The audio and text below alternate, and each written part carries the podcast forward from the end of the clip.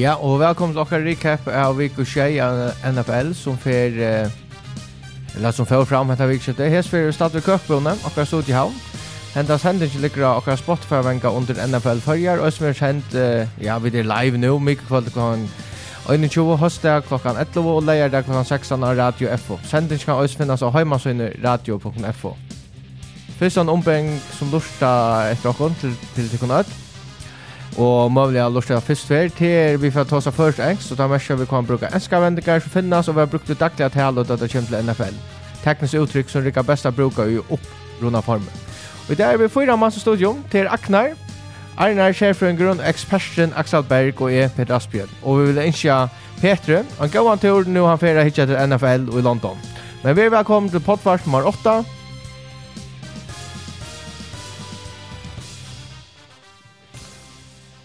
Og ja, vi halte vi byrja vi skronne, og skrajen er hentan. Det er, uh, vi får tøynder, så NFL Trade Watch, tar fyra dyster, uh, vi har valgt fyra dyster, så vi får tjøkken ganger der rymna kjøtt. Eh, uh, er dyster, power ranking, og så gissa. Og Ja, tøyendur. Jeg vet ikke om du dempar, jeg slår sindru jøknum der, men uh, det er teknikeren den vanlige, han er, uh, ja, han er til arbeids nå. Uh, Charlie Trippi, det vet ikke hvor det er, Nei, men han døg her fire, og var han den eldste Hall of Fameren. Han ble 100 år i desember. Han var nummer 8 pick i draften når John skjevfjørte og spalte öll 90 årene uh, ved Chicago Cardinals. Og så spelade jeg han kommer her vi og jes nær. Til han er ena spiller i Hall of Fame som har minst 1000 receiving yards, 1000 passing yards og 1000 uh, rushing yards. Åh, oh, hørst. Wow. Ja. En andre tøy. En andre tøy. Eh, så er uh, det ikke, altså det er nekt tøyender, men jeg bare tidsi til hei lukka som uh, holdt, uh, ja. Frank Clark, pass, uh, Roshan Kansas, for tvær diskar tjener for jeg brått seg i møter Legal Personal Conduct Policy. Og det er for jeg har vært tverfinner og fjør at det var opp uh, av seg. Uh, så fører vi til at her uh, Mac Jones, han ble bachelor. Ja, altså det var gott nok uh, en underlig støv, va? Uh, Monday Night Disney, altså... Uh, Mac Jones är ju skatter och så är Bailey Zappi kom in och faktiskt gjort så väl och Mac Jones är absolut inte gjort väl eh Brian Arnon. Så kommer han in spelar några en två tre drives och lock short, kastar en interception och så vill han hålla ut mitt i förra hållet i en affär och genom Jonon Diste och Bailey Zappi kommer in och spelar och inte Bailey Zappi spelar några så väl men Distrin han blir bara liksom för att dra handen och där. Vad är det interception han rakte där det uh, wire. Mm. Ja. Ja. Og en skycam nå, eller som passar skycam nå. Men Abelichek säger till att han attlar framan undan att spela på som quarterbacks listan. Alltså det är otroligt underligt. Alltså för alltså det som så där hemma det ger man inte i NFL det just inte college football det just inte high school football det just du inte alltså du kan skapa Belichick eh bli offensiv så jag nåt Ja, alltså och, och det som alltså ett alltså är är helt jag ser att inte tankar om alltså jag men det så stenar kunde Bailey Sappi fortsätt här på han är just a bit of Mac Jones och jag tänker som jag vet om Belichick det han lägger ju så när går kvart och erst eller eller kvart du hör sig för Lee han husar om att vinna hända dyster. Alltså du har sett att Mac Jones kasta. Kan vara det onkel dyster han tar bärlan game. Det har såna vinter han hade inte jag tror jag det är Men uh, vi får Men hade hade hade alltså hade en otrolig underlig situation. Nu vet vi helt kort för starten nästa vecka. Alltså Mac Jones är ju där första runda väl för i fjör. Spalte väl i fjör och hade så där löj att häka från honom. Eh alltså ja, alltså han räknar as a ger en quarterback capping så Harris skulle löj och sälja matan vi att man inte har så outjust artisten att att en landar ska starta. Vi sier, så her er et sitat som jeg halte er øyelig godt fra, jeg halte til John Madden som heter han sier det, hvis du har tvær quarterbacks, så er du omgang. Altså, hvis du ikke vet hvor din quarterback er, så stend utla i eh ut ditt franchise, og det man sier, det her er sin kaotist, det som Bill Belichick har skapt det, vet Men det var en spennende at det fikk vi, og så får vi den neste, quarterback som ble bench, Baker Mayfield, Og oppast så er han så om Baker er klar eller ikke, så kommer PJ Walker at starta kommande vik. Han vann jo eisne. Ja, Tom Brady. Så, så ikke så, så galen blir han til honom eh, som startande quarterback til Carolina Panthers som virka til Sindra Ferro i så rebuild mount at han at han har tradea Christian McCaffrey som, som vi nok kom inn og byggla det. død. Ja. Jag spår inte kanske att det är för alltså karriären jag Baker Mayfield så ja. är det av er hen då alltså han ska klara att hålla fast i starting job. Ja, i mot PJ Walker. Ja. Han är kommit spalt i Browns än kan man säga. Eller ja. Det det är ju så svårt.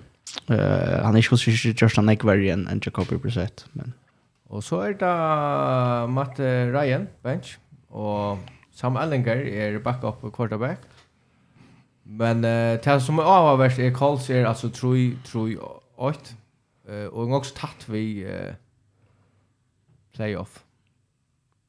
Ja, alltså hetta här skiljer är helt riktigt ordla. Ehm um, alltså Sam Ellinger det är en alltså en lovande ung spelare. Det är inte draftar satt runt i fjör och alltså jag kanske är han faktiskt Charlie Cordera men Alltså du har ju teach med Ryan till en grund till Indianapolis. Du, du tror du på det. Och, och där är ju alltså, absolut levande division. Jag vet inte om det är lite åtta eller tatt vi. Ja?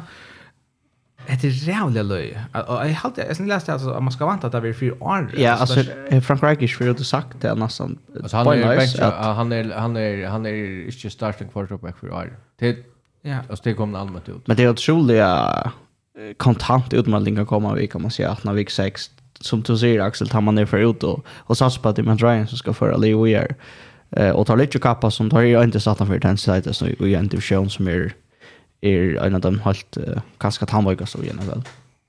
Ja nej, jag skulle säga slags tankegång den här bänt. Alltså, kanske vi säger Ellen kommer ut och köra hit alltså, så, så, så, så kan du väl bli rätt av det, men Men det med att jag vill säga bara att nej, alltså, nu tycker han iver. Alltså, det är just du har en plan om heter en ung spelare som skulle ta iver till franchise eller något. Och då måste det en vis. Och efter han startar en test för att man prövar det och så kommer för att med Ryan. Alltså, fem minuter man nästan också är det ett land så fyra gånger att han fyra alltså som vi inte vet om alltså är det är det ett land ballat i hopp någon eller kanske är det i fast eller det jag mening. Men spännande väder att för. Eh hej gott nog vi ser vi skilt av vi ser vi och analys som var kanske väldigt stant igen Kaka Kolsi. Ja, man skilde ju i Carolina till dem. Så alltså tror jag alltså PJ Walker som det fram till när på men man skilde här att att här bara säga okej, får inte kvar det vi har någon alltså det är bara något annat man än i playoffs. Ja. Så får vi till trade till hänt för Charlotte och till en toy till några dagar efter till deadline är och till very öliga neck för rumpel och skrumpel om att man gör och till onkel som här var finner några picks till nästa år. Men det kommer vi också täcka kostar sig under långt nu och börjar det komma vi eh hur står ner nu i mån till kaffe Picks man affär. Och Hvis vi lykker til hva det nye etter, så kommer vi til lykke snakke om det. Fra Raiders til Cowboys så er Jonathan Hawkins, han er ferdig. Det var med som Axel Void Nekvom. Uh, og så er det en ferdig fra Jack vs. Jets til James Robson. Og fra Panthers for Niners til CMC, eller Christian McCaffrey. Fra Panthers til Cardinals er det Robbie Anderson, og fra Falcons til Browns, Deion Jones. Så vi slukker, vi har med McCaffrey. Uh, Eh överskriften vi är tas hånt om kvällen den 20 oktober att Panthers Trading running back Christian McCaffrey till Fort Niners.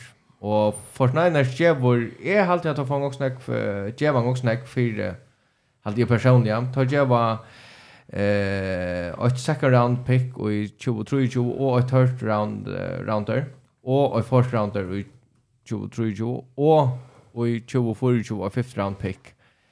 Eh Ösnen skal for Niners bæra tjalda 650.000 dollar for resten av kappen går någon. Och så skal så skal for Niners tjalda McCaffrey 3 miljoner i 2023 och 24 och 25 skulle tjalda 12,5 Og så er hever han bare en miljon i garanti for injury. Tog jag att han hever, altså skrev så som han hever. Og en uh, stone choice må man säga. Ja, det är ju sånt i skrifterna så så vi knar att trade marsna i någon. Eh, jag hade det är nog så fight att för Niners fighter McCaffrey, men hette är rätt dåligt betalt alltså det det är det. Och så hade man sagt om sig snacka pick. Du hittade där ju till till um, vi tror Lance Traden hade ja, eh, men han rykker väl in i systemet som Ashtar Kalshanen. Det vant det är och, och fyra månader är han att det här var nog så störst run game, vi flyer going running back, så det helt shows att McCaffrey Pius skulle ha bølten alla tøyner. alltså man kan, man kan bruka han i en sånn der nog så spesielle rolle här han, alltså særlig han av kastesituasjoner, han kan eisne för utover, alltså ved slott uh, receiver. sen så som man, man faktiskt att Debo Samuel gjørs da, han McCaffrey lyssnar samma typa eh, uh, Passar han uh, väl in i Ragnar alltså ja. till till akra akra för Schneider. Jag hade axat innan några ting att att det är ett ett väldigt gott fit till det schema som tar här var Alberta Jason Frisco för när Shaver en running back som som kan då den games think ehm och han uh, han är en väldigt gott vapen och i det största eh uh, kastspel kan man säga och är en en spelare som stadväck eh skolt om han över next skatter så har han öron här och några gå är han är bara 60 år eh Mm, och har ju ganska väl att ta han ur spalten så kör han här en av bästa running back i NFL. Och... Så satsar Jerry Forsneiners och Rams, satsar då för att komma och i playoff och vi kör där. Kanske han är dyr. I kanske Rams, Rams med det, alltså fyra picks, fyra running back som, som är ska jag på är neck eh och ett men det är inte med det när man att att en toy toj tojlindication om att ha vilja kappas alltså att att har skulle kappas om att komma och tar ganska sucha nu i smaker NFC nu så är det eller shit det helt upp men men det är det är inte så att det är några halt att Charlton med Eagles är också grejer för Ange som man också att man kan vinna i i playoffs här. eh Alltså du satsa du satsa allt nästa år i Pixon nästan. Eh ja, ja det gör det faktiskt. Gott så väl. Ja. Ja, alltså det är det är störst chans och det Eisen en en allit svart an Jimmy Garoppolo. Alltså Trey Lance ju vi är alltså man man står där på att att vi är hur man möjligt att att spela vi. Som sagt så ska Jimmy G steppa och sen bara Det ska han gott nog men men alltså det kan rycka ordentligt väl det kan bli ordentligt gott men men det är det sats utan förstånd att alltså vi vi det är länge som vi tar samma kaffe vi är en pro bowl level spelare och där där betala alltså det är pro bowl eh priser där betala för han och så alltså spänga ner på 12 miljoner om året den nästa året. Sean Lund John betalt för året. Sean det som ska nämna det är att lönen den nästa 12 12 miljoner om året först år det nästa tror jag åren för för att få löna. Jag tror ju miljoner och 2023 och plus Nej det hade ja if I hade lever 12 miljoner först år av Spotrack men at mycket. Ehm tar pengarna inte garanterar. Det sitter kunna kotta. Alltså hvis han blir hvis han inte performar så kunna det bara ske samband med honom. Det här är inte några dead cap eh på honom. Till tar pengar ner färra så till Outer Panthers tar man tar man trade en spelare. Så på tamadan så så hänger där på han visst det går galet. Tar bara miss några picks Så jo, det är sats, men det kan bli ordentlig gott eh och det sier något mer om, okej. er li som helt, god nok till att spela vi så vill han en han kan då virus så mycket spelare så det är uppe i UFC puro i NFC ja så det funkar man för rätt då Och så har vi haft några RR trade. Är det några kött, några trade till på ett mesh eller är det här bara? Jag har alltid att nästa vecka så har vi det gått i juli det kan hända och så gör det. Så hon tar som här om det. Ja, så trade deadline är tisdag in nästa vecka. Mm. Alltså James Robinson var ett intressant trade till Jets. Alltså, um, Och Dion Jones är faktiskt en rättliga god spelare som för Falcons till till Browns som blev sin runt med just nu. Han är faktiskt en rättliga god linebacker. Mm. är helt annars att uh, Jonathan Hankins är faktiskt fint för Cowboys. Ja. Ja, alltså tar han nog en eller starka vara Cowboys så styrs han upp att Mara. Eh och tar dam eller eller rotera defensiv linjen så det, Så där kan man säga eh till till väldigt positivt. Ja, men uh, så fall ska jag och jag också bara jag har som en jag korsna några det som är på ett mesh och och är att Breeze Hall eh för Jets han har haft en 400 500 yards för Jets och jag har haft fyra touchdowns men rätt Og en av kanskje grunden til at Jets uh, har klaret seg ordentlig vel, han er ute for i Arje. Uh, og jeg er årsøkken til derfor at James Robinson, ja. til, til, yeah. til resten greien. Så, så en øyelig uh, større smøyter for Jets, og en smøyter for uh, tøyr, uh, ja, fantasy-spillere som har faktisk finnet en bolig en Brice Hall. Eh så är det forskjellige är det smaskar här och där men i halte kanske att att det största vär kanske blir Hall. Mike Boone är ute, så det vill säga att uh, Melvin Gordon är också av det förrätt nu i fantasy. Ja. Ja, och Metcalf ute uh, vikskift noen til ja, Seahawks uh, ja, och Giants. Mike Williams var ute i slare viker til Chargers. Det var nok en, en, en synder viktig skaj här på Ancha Diamond. Här, här blir jag bara rattliga härst skajarakter i, i, i Los Angeles Chargers. Ja. Det virkar som Metcalf att det var tar vant av att det var avordligt, men nu är det kanske inte så avordligt som det helt av er i början, ja? Nej. Men ja, vi uh, vi det synd uh, vi røyna vera till tikk så lusta vi uh, vi tror ju här pressar for først for när nekrant. Men NFL Trade Watch. Kan kan vi bruka något løft? Og til er kvart uh, händer och til er nekv uh, til er nekv slektor som gång för sig och så til nekv gittin hva för li har bruk för uh, og spelare, och hva spelare är og avhaverder och kunne färra och Eh, hvis vi börjar kanske vi eh, jag vet inte, Agnar. Kvart är Lucas Casas du komma och i kommande DNA. Ja, alltså det det som är framme och det som är kanske är någon window predictions något som är att uh, att Denver Broncos färra att trade några spelare att när vi skiftar och särskilt vi står tappa dysten London mot Jacksonville Jaguars. Eh, vi står tappa den distan så så kommer de ner att 2 och 6 och så är det andra chansen för att komma playoffs uh, vant det och och så för att det blir hit jet och vi vet att Josh som lite list här och här är ju till särliga Bradley Chop uh, tar uh, halvstora stötna defense men så är det Jerry Judy tar receiver som kanske inte ordentligt hever liv upp till som man vantar i med andra öster. Han över next katter som som neck och neck blir light efter sig var andra öster neck receiver är as listan chockon eh så det är det som ganska mest intressant om om om Brown nej Broncos för att säga okej eh nu brighter det listen strategi. Ett att här om vi får så Jordan neck receiver vi har trader här här är rättligen neck som har har bruk för det. Och Mara Broncos där på bättre det ut utsikter också. nästa år. ja, Men, det... är det några andra, hvis vi, vi ja. har några spelare, men är det några andra li som man kunde huxa sig en vi färre bara, gasar en tanka till nästa år? Kjallt om, ja. det kom några stort så sånt. Alltså, lukar bitch på där så halt det nämligen, alltså, ta gänga ta gänga nek prat om det är halt det vi löj vis Broncos blir att att peta Lee som sånt nu ta och i man att du har ju en så mycket dyr en quarterback av den Lee att du kanst inte fair rebuild mode det blir stil Alltså vi ja. de de nöjst att bara att köra ett touch vi är ja. Men Bradley Chubb här så hans kontrakt ränner ut Ja. Så du vet, ska hur man rätt man signa handlarna står. Ja, så att du kanske att här man kanske huxar. Okej, okay, låt bara få och fyra han där och så på är så. Ja, och Troblans vid Judy är ganska han inte passa ordentligt in och det som Broncos eh och till att han är onökter, går så samma så den kan och till att det verkar som man är om det livet i avon. Alltså Giants conquer Brook for receiver och tar han över Lincoln Lord Ravens har Brook for receiver och så han Eisen vill sätta samma vid Dolphins.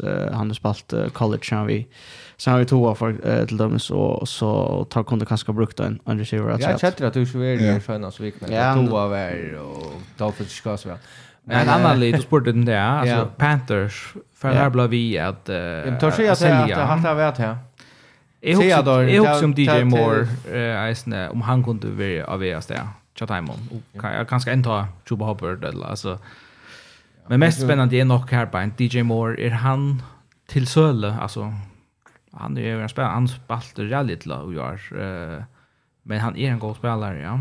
Är när det heter då när kan lägger trätt. Är det några li annars som du särs kanske för kanske att tanka? Nej, jag vet inte en man kan tanke en ordentlig att jag det vi känner är så tattar som det är att liksom kommer vi gör lutne säljer NFC, så så man ska bo i en 230 då är det några men trade deadline är nu så Det skulle nekka større avgjør tekast bant nu hesa vikna. Ehm, um, jag spännande att då Odell Beckham kan hända nu hesa vikna. Oha, ja. Ja. Ja, Steelers ganska. Jag har mal läst nä. Eh, om tar här var spelare som där Så tar för junior rebuild mode eh, nu va och Chase Claypool har varit att trade matchen ändå faktiskt där snäva. Så där tar här var går receiver och där här var så att Sean vi att här var något lätt vi att få går receiver där då så det var att drafta. Men uh, hatta var syndrom uh, trade i rock vi en nästa sending så för det inte kan live. I rock vi att det var hänt öla näck till uh, nästa sending jag hon. Eh innan för trade och ja, i rock vi att uh, Jag finns ju lova att uh, möjliga få Peter Frank vi nästa vecka. Och se ha. Det som säger också. Hon Nå binda binda fast. Gång så väl nu alltså och han kan ta så dårs som uh, Russell Wilson nästan. Till uh, men uh, till första dist eller dist 8 som vi kallar det. Og Raven Browns, og hvert, uh, hva er det å si om tannlisten, Axel? Ja, altså, en, det har vært som er viktig lister til Kjabamon Lynas, det er jo sånn som Jeremy mitt tvei som håper på å komme playoffs. Um, så ja, altså, Browns tar bryr disten bättre. Eh tar skora touchdown sitt första drive. Eh kom upp hade där i 8 touch tror Eh något lunge this non eh mot ändan någon är för hålla inte. Så för att få Ravens första touchdown här Lamar liksom förra något skott drive upp här på skott touchdown och tar Fairfax till Hallax vi stönar 13 touch. Första drive Aaron Hallax till Browns ta över Jacoby Brissett sackar över fumblar han Ravens får som stått banan skorar ett ett lätt touchdown.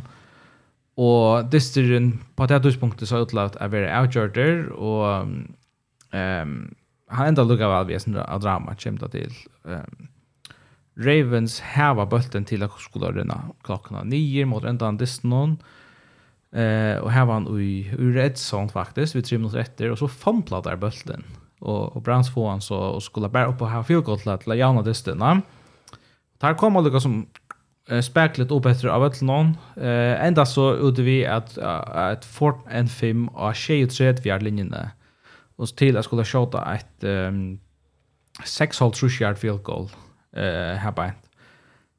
Men så gör det en false start penalty, det blir till en trus hjertere, og det er kiksa sparske. Så synes jeg er efter en affär en synes mismanagement i siste parste av Disney og Browns. Det är inte först för vi sier at jag har alltid en gott når en fyrer Disney lagt han her har vomlet enda vekk og i Disney. Det är så att jag gjør false start på Phil Gold attempt. Och Og en trusk hjertere, det er spurning om jeg skulle bli ferdig etter bare helt, og rundt det, men ja, det får man kan gå försvara här på ett men han kanske att man skulle bara för netto och jobba. Så Ravens kommer stä vi ändå ulle viktig och säkra och eh börja att ja så det är ju så åt att divisionen samma vi vi Bengals menar jag och ja. Ja.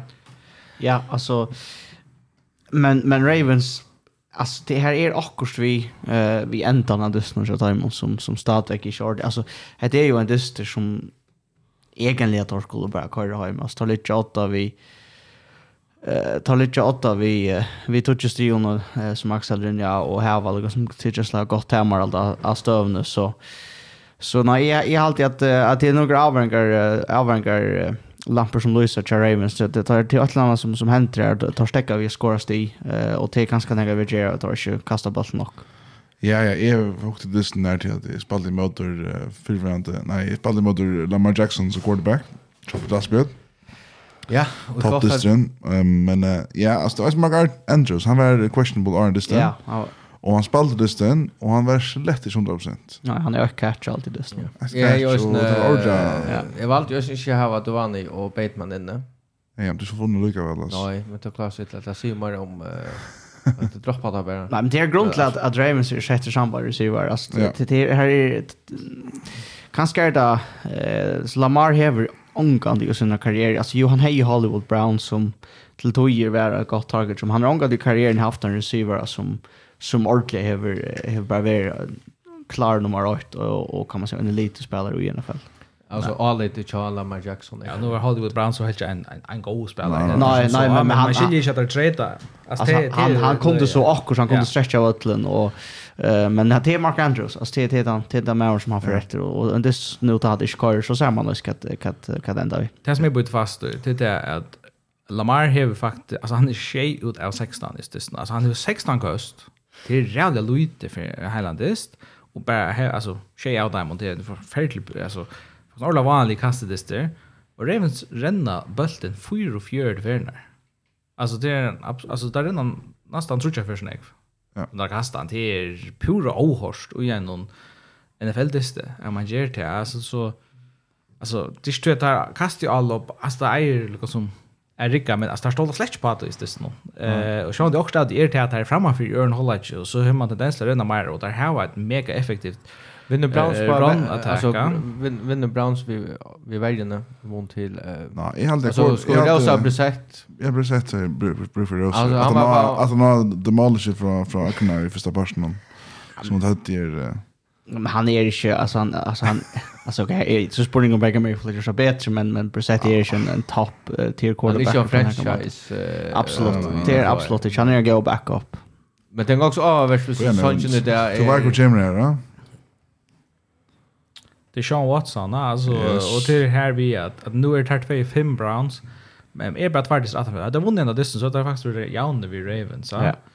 Eh så till det man får illt alltså i Cleveland vi har man har haft alltså det här man man, man har haft Anna att lag lag kunna vinna och man bärs för out just så det mot ända annorlunda. Eh där blir det en trubbel ut så där man lugga väl eh att att att vara alltså du har ju chatta för en för en halta distan ju är. Så till något lunchen. Det är det.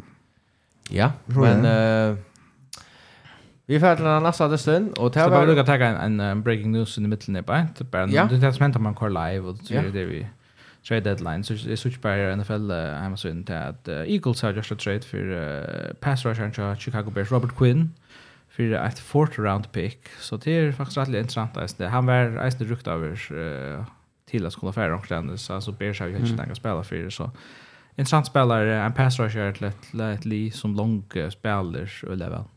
Ja. Och hvis vi får... Ja, Bärs inte några spelare för det. Alltså... Ja, men jag tror en god spelare. Alltså, jag, alltså han har spelat väl uh, i så största när Chicago Bears. Eh och och hever runter och Eagles roterar och snack snack och sin rusher och är inte en spelare en lång gå över ju värre. Så.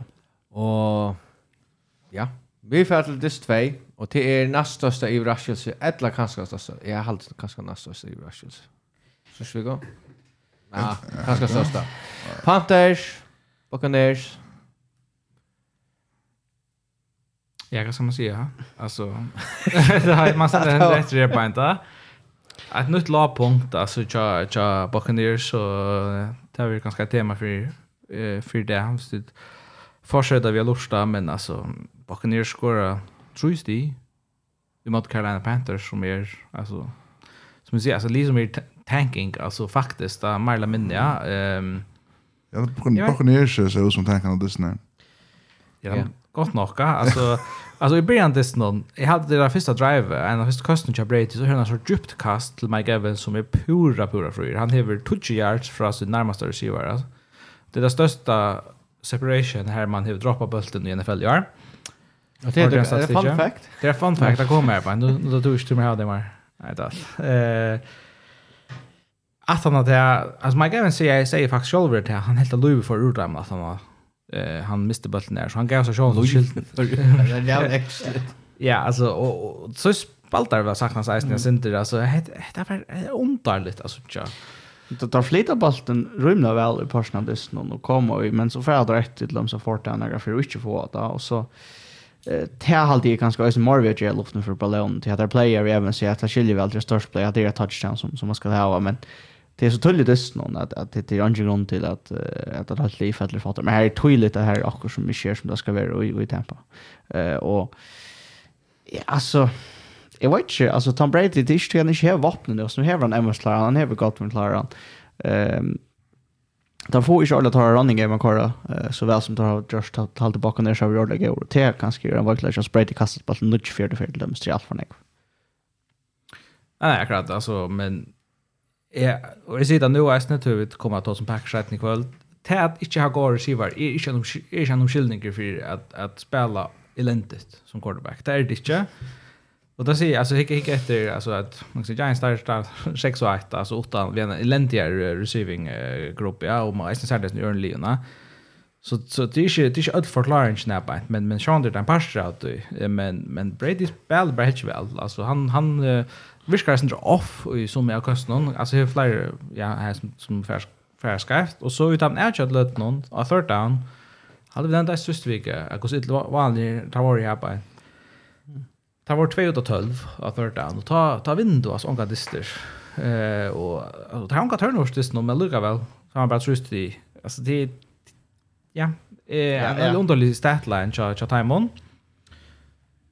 Så lugga med den vi kött så halt det att alltså PJ Walker ska äta hans valde en fantastisk kontest. Alltså faktiskt ordentligt ordentligt kontest. Eh eh faktiskt så gott att Pro Football Focus han grejer som den bästa quarterbacken i veckan. Han är 6 kast som man kallar för big time, time throws och sällan alltså en touchdowns kast var supergo och precis och ja han kommer så starta i nästa vecka men man man hittar ett bakom där så vi bekymrar för kvätt kan är det som som fyra gånger man hittar ju i överhuvud en lie som är klart till att kapast vi och i i NFC, selv om man kan säga det är det är vi uppe. Alltså här är inte en starkare contender alltså så angår ganska sagt så det var faktiskt för ordla väl. Ja. Ja. Det enda som är vittu det är att hette här resten av aktiv division. Är rocken stadig vet att kommer vinna så division. Det tror jag helt lite inte på att nej jag fattar inte Saints eller Panthers för vinna så division. Och då har stadion en gå över alltså då tar vi tar Georgia vi kör nästa. Eh men det är intressant nu att när det är att Tampa och Carolina har skorat bæg han skår 140 sti uh, og i tjejdestun. Det er ikke at han skår 140 just i tjejdestun. Uh, og det er, men vi får suttja at han spela langt i morgen, eller uh, ja, fyrtja natten han større enn et fotballspelare mot Ravens, så vi får suttja om tar pankar hankra mat og kunne venta det her, men uh, nei, jeg hadde avrengar lampene løse av årlig, og, og selv om det som, som Axel sier, komma vi her som er vant til vi har vinnet situasjoner som, som är som är vaik. Eh, så, så, så tryck vi att det tar sikkert över allt troligt om att komma längt till playoffs. Ja. Jag vet inte Brady annars. Ja, nej, nej. Jag har jag har hörde rukt i hela veckan om det att... Jag kom, vi tar det här... Jag vet inte om du var stark när, vi tar en sån Saka. Ja, vi är har lusta skalt mig show venture ja. Man får man får så god koppen. Ja. Kan det god koppen. Jag har det att att att alltså skilt med samtidigt är vi är alltså vi är i gång här bara. Här näck pengar, är nog vi. Här näck här näck ska som ska rotas ut här bara. Hon är rikare än Anna. Ja, hon är faktiskt rikare. Jag vet inte om det ändå det. Hon kände ju att för mer än han på ett tidspunkt.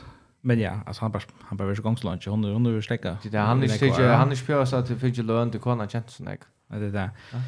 Men alltså en, en vinkel till det. Alltså, nu tar jag om att, att, att det skiljer tog att Brady för en att spela. Men det är också som det att kanske han för en att spela tog att Han luk tror att han lukar väl att ställa gånger hundan till hemma i hus. Det är ganska jag för nästa. Nå, vi ska ju vara tjonar bara för att köra. Ja, jag tror man fall. Du ska jag kan säga om det. Jag har ju inte att nämna om det här till. Jag vet inte om det. Det borde rykter. Men man kan väl hitta vattlen här Jag spelar undan till. Jag duschar det här podcasten jag Travis Kelsey och Bajan Sara. Ehm New Heights. Ta då står en Brady är. Det där stod att duscha efter det. Hur sen tossa vi såna linjemän. Då bara att det är näck beten det där så stöppa för den upp alltså. Men han är en vinnare och vill vinna. Jag vet men här här ser Jason centern ja ja ja Eagles att han vet inte om det här är motiverande eller Ja, eller det är motiverande. Ja. Det det var ju som videoklipp ut videoklipp ut så så svega om tar han uh, brukte F-ordet rättligt ofta. Han gjorde svärt så den. Så omskilde han och annan för för det ut och hatta vär och gjort han. Ja, whatever. Men vi fann nästa dist och till och Lee som så vi här var inte very penner vi. Eh och och tar simpelthen uh, vunno. Commanders mot Packers Ja, men här är så vant här att det är Packers som tar på dyst imorgon kommer ändå försvinna till kostar som NFL är eh och till att det är Aaron Rodgers som milt sagt inte för attention jag kör. Eh nu är Petri här eh men en en pen tanke utland men det man väl att tungt och deprimerande nästan hit efter att man är Packers fans som jag var. Så vi hade och Berg Peter och jag kan väl. Ja, Paul Simon. Ja. Ja, Paul Simon så och ta snackat om om det så tappt då. Ta matta ju inte om det tappt kommer det var dags. Jag kallar det faktiskt. Du gör inte så samma call som Arne. Jo, lust efter jag jag kallar det. Men jag säger till Henrik för att börja och för att vinna listan. Ja. Men det som vi nu var någon snack snack så högt det rätt och Det var alltså ta fram att vi tror jag men det var man man har ju lugat chans att ta köjer inte alltså det det här ricka finns ricka så skor på att att en reception att den nästa tar varje spel rullar väl. Och här är alltså här är ungen rytma och i all och Packers här är alltså tant som Roger Sherry har kastat till som Arda kan luta på nu till Aaron Jones. Och tar man bara här som running back, men det det är så läst det är alltså tar man bara Alan Hazard ger det okej, okay, men han han är alla tunna hållskatter eller här ett drop eller två och tar man bara här som running back och kastar till som man kan ställa på time och trouble. Tar man det fasta större lönsman så kan han gå och kasta lotta show Ja, nej, ja. Men alltså hade fått sina ladel till Jetton på nu och jag har sagt att i fjärna kan hända men damer inte Rogers i behöver. Det har det sagt var varför. Ja, och det är så läckert så inte det snär. But no. Han han är uh, han som då Brady var den kom för. Men är allt dumt väl hit efter Packers när men när man grundar sig att det stod lite efter Roger Spelt och Albuquerque och det väl men men det är jävligt långt från eh för att hitta det att jag alltid har haft ju en dust jag lampa mot mot Bears här och där finns ju Albuquerque flöta men annars är det väl öjla större och eh, man ser att här är också det här neckting som som inte rycker och tar liksom som commanders kan bara komma åter och och skora choose det där. Ja, det är en mega löjlig trend som Packers har. Jag så tar tar skora touchdown, alltså ett opening drive. Mm. Och så skorar Alubi, alltså det där det kommer lägga sig åt första tror men det är faktiskt att få en pick six, va? Ja. Yeah. Yeah. Tar skorar inte åter för en 30 minuter i färn är efter och i fjärde quarter. Och alltså heter jag vet att sätta flyer för nåfyr. Alltså det att man man blir alla väl och så stäcker man fullkomligt upp. Vi har sett vi har sett i den distri. Jag vill säga mot box mot Giants, jag vill säga mot 49ers i playoffs i fjärra. Det är ordla löje. Det är ett landa som är galevis nu linnon. Jag lukar täcka vi i Malaga han har hackat vi bara som Luisa det Luisa när det här på. Alltså Rogers är är faktiskt bara under press trutja fernar i öllum någon. Det är alltså jag har faktiskt det minst i NFL gör. Så hade inte här linjen dominerar. Chepa mm. Commanders helter. Släcka fråga. Alltså han är att kastar han 35 fernar. Inte säkra. Alltså till sammanbering är Heineke pressar över 80% av fernar han är att kastar och spelar alltså närmast bättre än han lukar väl. Kost iver 20 yards är han två. Han är bara sex kost och i distan som färas längre än 20 yards. Mm. Och ja, kompletta bara två av dem. Det eh det är gott nog och det är en trend så vi det tar som fyr. A third down 0 ut av 6, a fourth down 0 ut av 1. Så jag vill se det bara nu alltså hetta li viska för mer bråte och alltså jag hade att jag kanske hade alltså alltså I'm not talking to att capping guard dem det det dett nu. Alltså här är färre, det är färre. Jag säger två veckor sedan nu till league kommer playoffs i NFC i brötet åtta linjen. Men Ja, alltså jag hade vi skulle stäcka vi att ta oss om Packers. Alltså det här det är bara gott liv mer. Vi kör där, vi kör där Giants kategorierna som brukar för. Men skoltar Skulda få en receiver, kunda få en receiver, kan ta hjälpa på några måter? är rock vi tar Moira skall ein receiver tid. Det är alltså är inte det ska Moira. Nej. Alltså du måste utföra få en in och så måste så må en annan släppa upp. Ta mig just att du måste att få en receiver. Du måste ha du måste ju ha Rodgers måste ha alltså ja och vapen som alltså som som ger han någon att sitta till kasta djupt. Ja. Eller mer än 20 yards. Benchen on this bro. Eller benchen. Vid när rödst. Nej men alltså man måste för att göra ett land. Ja. Vi får vi nästa stund. Vi får nästa det det fyra. Chargers Seahawks. Seahawks. Ja. Det kan han. Pet Frank borde vara men han är inte han ger andra ting. Han kommer sig nästa vecka att ta tappt och det grusomt och vanligt. Men eh det blir ju väl tjaa man kan sagt Chargino. Han kunde börja bättre. Nej, alltså ända fiskosten det nu det är så en interception men men härifrån så så gånger det faktiskt rättliga väl alltså där köra head få liksom två touchdown drives på ena vägen att han och så att han drive här på en så så fumblar så får där sack fumble Herbert och och skorar så field goal på en stor panna och stön 16-0 Och alltså man säger man hick bett alltså det är just jag vet inte alltså Bills eller Chiefs lätta spelar på inte alltså så det är lite all all topplig knappt ja. Chargers kommer så åter i disten och skorar touchdown får en fumble på samma att det här på en skorar touchdown åter säger Fjörstan så åter är Chaka Seahawks och speedar och Gino har mitt andra så djupt touchdown kast till uh, Tyler Lockett alltid där och Kenneth Walker här är ett längt touchdown och han spelar en en en, en go on dist. Ja, Kenneth Walker är en fantastisk spelare. Helt, helt extremt stort legitär. Så här har Lockett och Metcalf nu som beskattar, men, men tar blir Eisner visar sig framåt där. Och det finns spel till en natt Och så där väljer han så börjar steppa upp. Så ser jag också. Som faktiskt har skrev rävlig nu senast, ja. Men Pete Carroll, han fick... Uh han fick nog några lost och det så ju hästar och nu skillar inte för men men han fick några lost och det så jag sände inte för. Ja. Coach coaching garbage on och artish en helt okej loj. Jag halt att nu kan ni rulla ta ta ordning att och se att det kan gott vara och så visst var problemet. Det är Pete Carroll. Ja. Det är faktiskt så galet, ja mamma också det. Alltså ehm till jo alltså han hur skulle göra gott. Mamma är spännande. Mamma tar ordning att så här vi honom och så man kommer helt inte dumt här att du hessen det någon så spelar Gino Smith öjliga väl och han har faktiskt spalt ordentligt väl gör. Alltså det är inte Ja, det är man förstår, det är man förstilla sig vi att ah han lyckas som game man. Det är inte det är Cooper Rush typen vi att han bara lycka inte ger Heiler och John Ocklin. Alltså han faktiskt för ut och har flera go job cost. Alltså faktiskt bara spelar ordentligt väl. Han vi dag har vi ett Gino Smith. vi har sagt han har spalt fint. Det är bara att andra om man som inte är så bra. Ett touchdowns, tre interceptions, så. Jag hade vi skulle vi skulle börja ta sånt negosi också nästa vecka. Ja, jag vill gärna lägga ja, jag vill gärna så ända vi snär vi Jordan och förvänta oss när till att spela mot Chargers och är för att kalla det Chargers är fraudly. Chargers är inte ett topplag i NFL och ta färder inte vara i år och ta färder helt inte vara den nästa året visste ikke at det får sin store pass i roster. Men hvis man hikker etter hva det er å vinne, og så tar det her på sånn distro som, som heser, tatt av distro hjemme av det, det er typisk Chargers.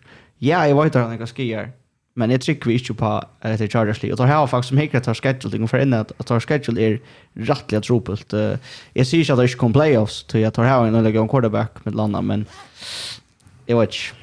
Jag tycker det är Karl Karl Karl. Jag tycker det. Jo, men uh, vi färra nästa vid uh, är det dyster. Jag går säga börjar vi att säga att uh, för en av skilt och i morgon tror jag veckor så fick man få innan handskottstest. Uh, ja, gott nog var det Sein som tappte. Det var uh, jag vet inte hur det skott men alltså ja, jag lär mig säga det så. Jag säger I, I think six Kyler Murray kastar en en touchdown. Och Andy Dalton kastar två touchdowns till Cardinals. Yes. Ja. Det är någon. Och det har annars varit av funnen det så hit jag. Eh men raffle. Alltså det ja. Alltså han har lagt en interception in i red zone så de till fem Halvfemmar, ja? Att det är underhållande och att det är värjan till Cardinals häver hans här enlagan tar kunde skapa turnover i mitten och nu så ser det faktiskt ut som ett rättliga spännande liv. Eh med landa till det Hopkins eller särskilt det. Och kanske att det där kvalitet med det. James Conner som vi efter. Ja, men alltså han han så Ellers är alltså wow. Här är faktiskt Conner alltid varit en rätt sån quarterback running back. Han har alltid varit han har helt Arthur så gör det. Här minns var för akkurat nu men men här Benjamin är en supply running back som ska öla väl för att bråta upp. Ja. Och få alltså 5 6 yards. Connor tar som som finisher där. Ja, det Cardinals är så spännande att ta. Men nu tog då som komponenter. Tog som fraudly. Så halt i eisen till att här är fraudly. Jo, men så Cardinals så lunch Cliff Kingsbury är head coach här på. Tack vi har Jeremy Carroll och väntar han mer. Det kan gott vara. Du tar nästan. Nej, slett, alltså slett. Iver fun fun. Vi tar så bara ting stamkvart. Ja, ja, ja. Det kan jag bara, men alltså hade så här episoderna här i alltså Kyler Murray för ut till han, hans head coach, han tar en timeout och så ständer han och scrollar alltså Kyler Murray scrollar grunna av Cliff Kingsbury calm the f down alltså då är alltså tvärfer. alltså han han jag vill aldrig säga en quarterback flippa ut av sin vänjare oh, mitt i en dist där framför alltså det var ju just det man inte ordentligt hever. Hever viring för man då men det är bara minna ja Cliff Kingsbury hans college quarterback det var Patrick Mahomes, hei ikke winning record vid honom, ble korter i Texas, uh, eller här bare Texas A&M, Och på en eller annan måte affär head coaching job i NFL. Altså, du har du har så rett, er dere du har så svarta bøk på. Ja. Vi får nok ta om Cardinals Vikings nästa vecka. Jo, men annars när annars det står tid. Ja, nej. Ja, till till Jets Broncos session.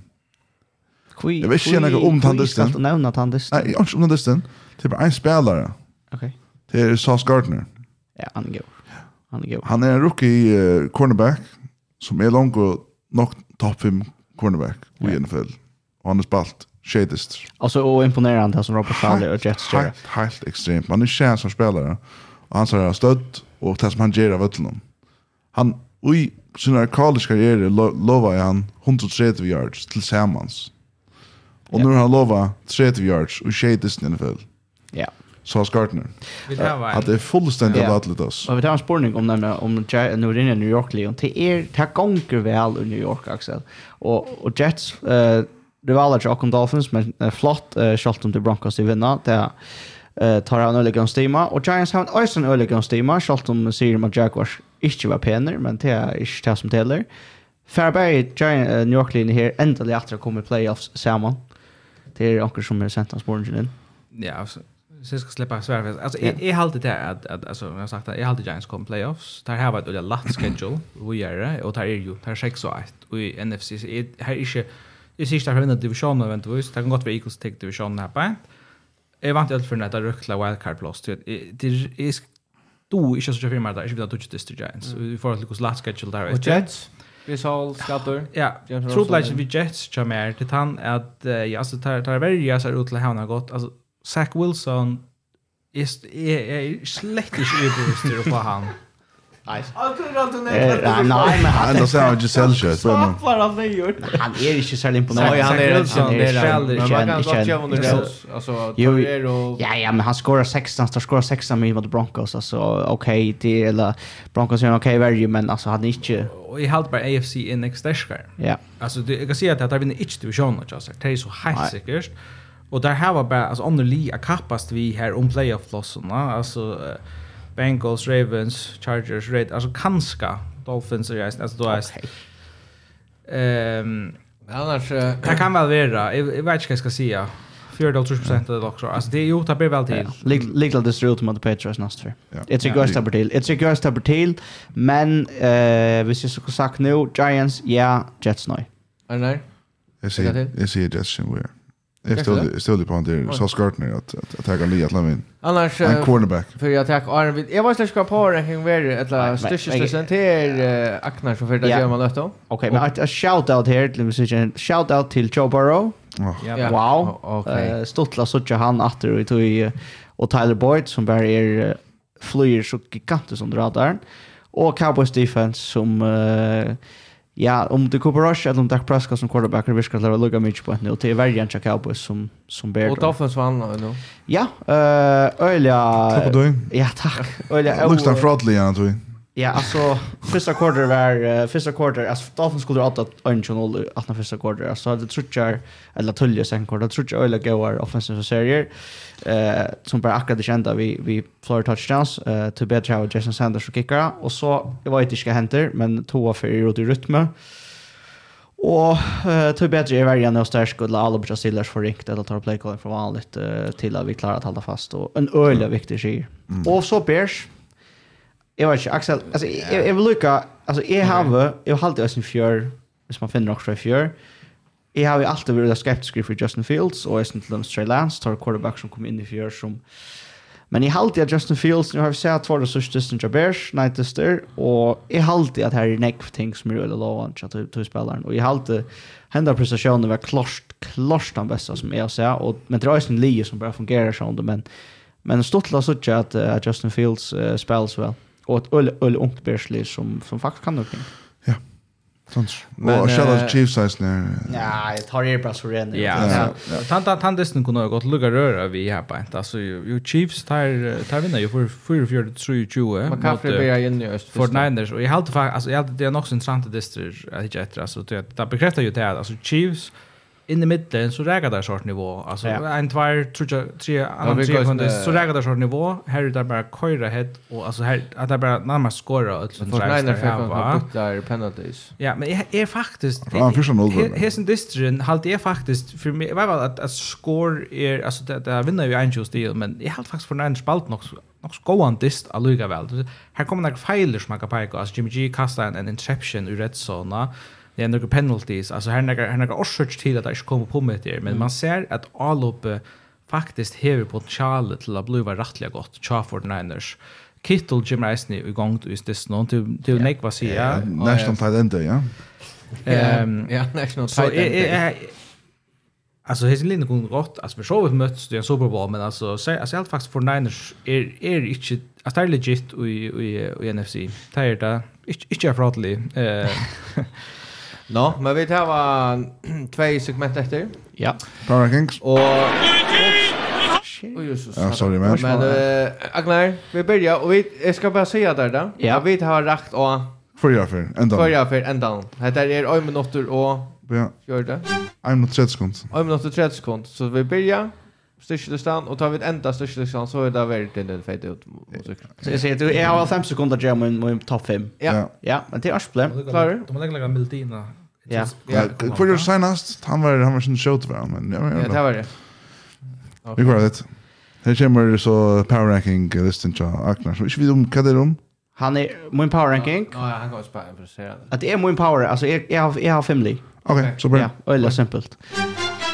Ja.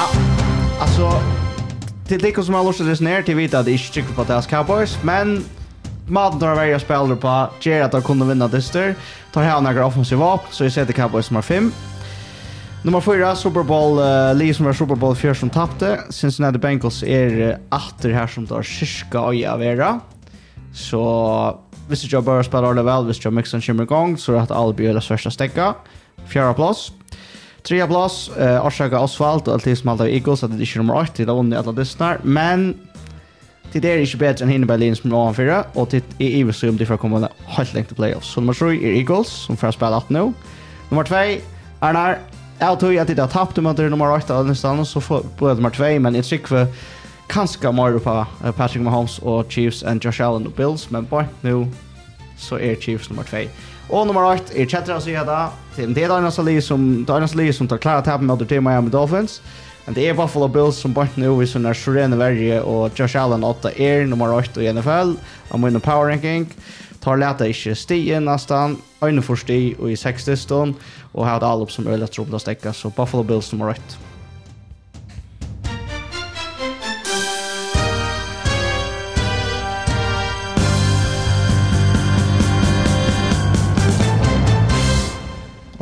gatan vi ska väl Wow. Man ska ja. tro att uh, man kör det live va? Yes. Så so, uh, hvis vi tackar en minut om att det listan tja Agnar. Jag hade då räkar topp 3 i pura. Alltså så som jag säger det är nu i sista veckan. Jag säger det sista veckan. Jag hade det att, att Chiefs och Bills är det bästa linjen i NFL. Eagles är 18 för jävligt och i mina är vi för inte att göra. Eh, Sean, alltså här två li som alltså som som är helt ganska gott kunde rätt förstörsta vi är på en av dem till sånt. Alltså det Vikings eh som är 5 och 1 och så aj jag Giants var framme för Cowboys. Och just när ranking är på det är alltså jag hade men det har Kvann är Giants har tappat med dig? Nej, jag vet inte.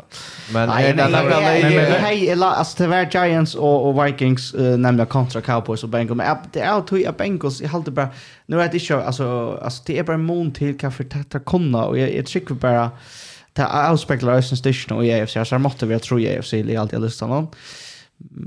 Men jag vet inte, kan säga att jag skulle göra annorlunda. Alltså, är Vikings, är Vikings, är är Vikings så Vikings, tar det stuttlig men Vikings Men Bengals jag vet är skulle väl på två och hellre Bengals i fot. Man har en soft spot för Joe Burrow. Det är de flesta. Är det inte? Är det? Jo jo. jo. Men alltså jag har alltid att Bengals borde vara här alltid. Nej, det har alltid helt jo. Man har en soft spot för Jag hade ganska Giants eller eller Vikings samma som Axel säger. Men men hade jag helt super onkel Jamie Kron.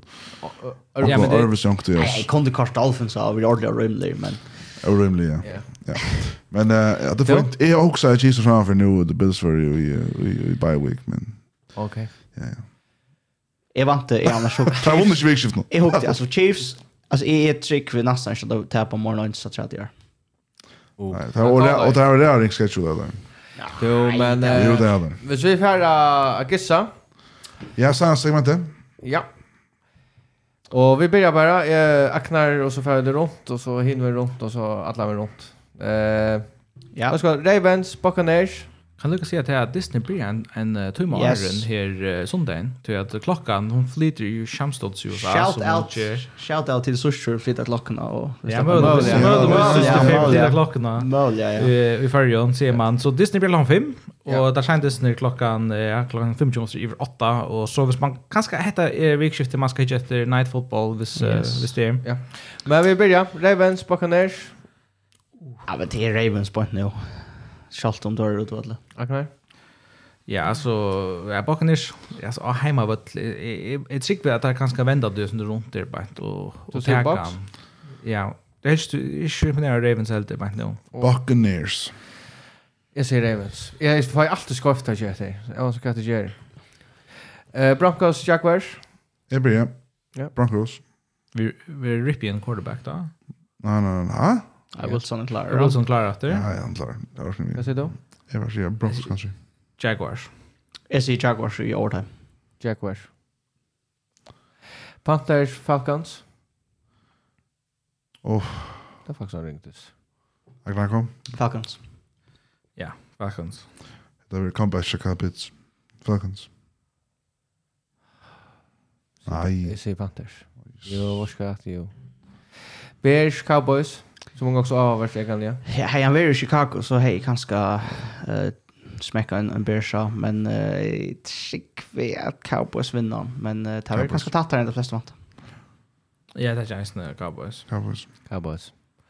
Dolphins uh, Lions och vi börjar vid Aknai. Och så för här och så ja. Kvar här. Då packar du ja. Nej, nej. Ja. Då löjde alla det också ja. Yes. Eh skulle man säga skulle man säga Dolphins. Jeg tror greisene, altså, at det blir en greis i Dolphins. Ja, jeg sier også Dolphins. Ja, ja, det hadde vi nøyt. Cardinals, Vikings. Eftersom at jeg har snakket Cardinals opp og Vikings ned, så sier Cardinals. Bare tog. Ja, jeg, jeg har jo gjort akkurat om dette, så jeg tror som Vikings. Jeg sier Vikings. Jeg sier Vikings. Raiders, Saints. Jeg sier Raiders. Raiders ja, det gjør jeg. Ja, det er så rolig å finne noen ting å køyre, og det er spennende nok Saints, så, så rett og slett. Saints all the way, baby. Patriots, Jets? Jeg får si Jets. Ja, så ja, jag jag har Jets är grej favoritter det nästan alltså Patriots lever ska det var det. Syns ju ju en sån en upplös det alltså det är spänt vi vet helt hur ska starta. Alltså ja. så vi knä jobba det it have touch Jets. It hade varit Patriots. Sauce Gardner vi en pick six. Hade varit Patriots. Så han skår när pick six pick six. Ja, men jag också bara jag ser Jets så. Eagles Steelers. Ja, tar vinna Pennsylvania Dustin och halva sig segrar. Ja, Eagles. Eagles Atler. Titans uh, Texans. Titans. Titans. Titans. Här det är sån dyster som Texans ska finna på att vinna och Titans ska finna på att tappa, men men Derrick Henry. Så så Titans. Commanders och Colts. Jag får säga Colts. Jag frågar Commanders att vinna dysten mot Sam Ellinger. Chuck Holtz och så Cora Matt Ryan efter den starting lineup. Man är kanske Wentz vinner en revenge. Det är alla commanders faktiskt har har ett helt okej liv. Jag säger Colts.